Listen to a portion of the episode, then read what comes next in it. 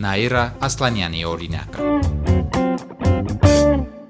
Գիտեք, բարեգործությունը իրական է դառնում այն ժամանակ, երբ որ մարդիկ շահ չեն հետապնդում, ոչ մի շահ չունեն։ Այդա կարելի ասել, որ հայրենանվեր գործ են անում։ Մենք հայ ենք, ես չեմ ուզում կորցնենք մեր հայի տեսակը, մեր ուժը, մեր ազնվությունը, եւ մեր միակ նպատակն է, որ այդ աղճատումը, հա, բաժանումը հայաստանցի եւ արցախցի այլևս չլինի։ Ես ամեն ինչ անում եմ, որ մեր սաները, այստեղի եւ Արցախի սաները բոլորն իրար հետ ընկերանան, շփվեն, Մասնագիտությամբ հոկեբան է Նաիրա Ասլանյանը։ Արցախյան երկրորդ պատերազմի առաջին օրերից քրոջ ու նրա գործընկերոջ հետ օգնել են տեղահանված մարդկանց հագուստ, ծնունդ եւ այլ անհրաժեշտ իրեր հասցնելով։ Ասում է, սկզբում մտածում էին, որ ժամանակավոր է ամեն բան, եւ օրեր անց նրանք վերադառնալու են տուն, բայց պատերազմի ցավալի ավարտից հետո արդեն པարզ էր, որ վերադառնալու հնարավորություն այլևս չկա այն ինչ որ մենք անում ենք արդեն էլ արդիական չէ, այսինքն մենք կոպիտ ասած չենք օգնում այդ մարդկանց, այլ դրթում ենք ալարկոտության, այսինքն ոչ թե ուրկանն ենք տալիս, այլ ձուկն ենք տալիս,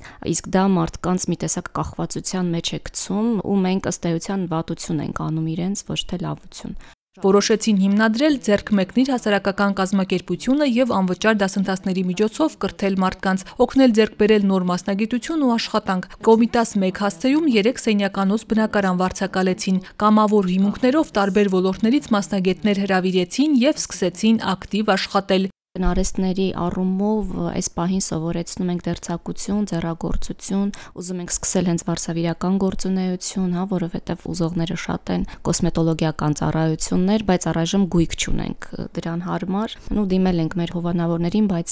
այդպես էլ անարձագանք է մնացել, նու դրանք արեստների առումով։ Իսկ կրթական ծրագրերը սկսած լեզվից, այսինքն անգլերեն լեզվի խմբակներ ունենք։ Ունենք գրաֆիկ դիզայնի, կայքերի ստեղծման, Java, Android ծրագրավոր վարում։ Ունենք վիդեոմոնտաժի դասընթացներ, ունենք լրագրության դասընթացներ, մեր շատ սիրելի Նաիրի Հոխիկյանն է վարում ներ դասընթացները, ու որը ամենակարևորն է, ուզում եմ նշել, որ բոլորն աշխատում են մեզ մոտ կամավորական սկզբունքներով, առանց որևէ շահի։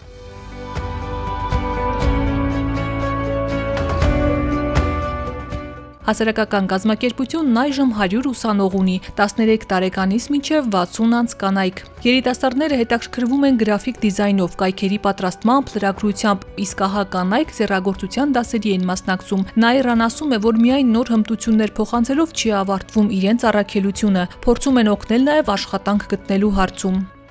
Տեսեք, օրինակ գրաֆիկ դիզայնում սովորող մեր երեխաները արդեն իրենց առաջին գումարը վաստակել են, այսինքն պատվիրել են իրենց լոգո սարքել, իրենք սարքել են եւ գումար են ստացել դրա դիմաց։ Կանայք արտադրում են այս պահին, չի կարելի ասել արտադրություն, ամեն դեպքում մեր արցախցի կանայց ձեռագործներն են, սփռոցներ են արտադրում շատ գեղեցիկ, որոնք գնում են մեր էլի ընկերները, իմանալով, որ օգնում են արցախցիներին եւ իրենք կրկին գումար են վաստակում ու միանշանակ մենք բոլոր մեր արցախցի երեխաներին ու ոչ միայն արցախցի հետամուտ ենք լինում, հա, հետագայում ինչով կարող ենք իրենց օգնել։ Այսինքն այնպես չի, որ ավարտեցին, գնացին ու վերջ։ Ճիշտ ասած իրենք է չեն ուզում գնան, փնտրում են ինչ որ ուրիշ մի բան, էլ ինչի կարող են մասնակցել։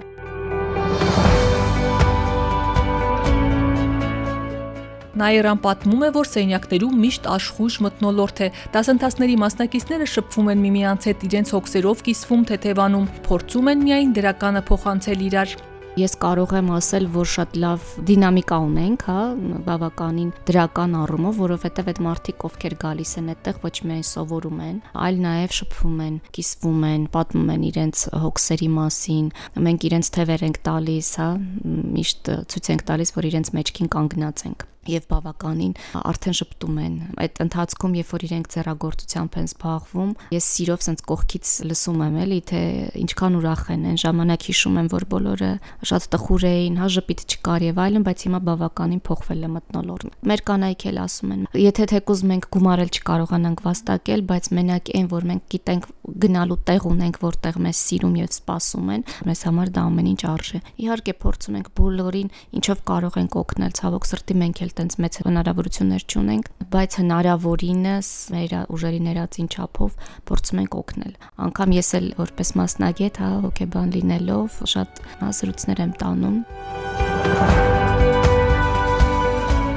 պետական որևէ աջակցություն ձեռք մեկնիր հասարակական կազմակերպությունը չի ստանում։ Հիմնական գումարը գոյանում է նվիրատվությունների շնորհիվ։ Նաիրան շնորհակալություն է հայտնում բոլոր այն մարդկանց, որոնք անգամ ամենափոքր գումարով օգնել են սնունդ, հագուստ, համակարգիչ, կարի մեքենա եւ այլ իրեր գնել։ Այն մասնագետներին, որոնք առանց որևէ ջանք խնայելու իրենց գիտելիքներն ու հմտություններն են փոխանցում ուսանողներին։ Ձերկ մեկնիրի համահիմնադիրները ցանկանում են հիմնել մեծ կրթական կենտրոն, որտեղ ավելի շատ ուսանողներ կսովորեն, իսկ մասնագետները կվարթատրվեն։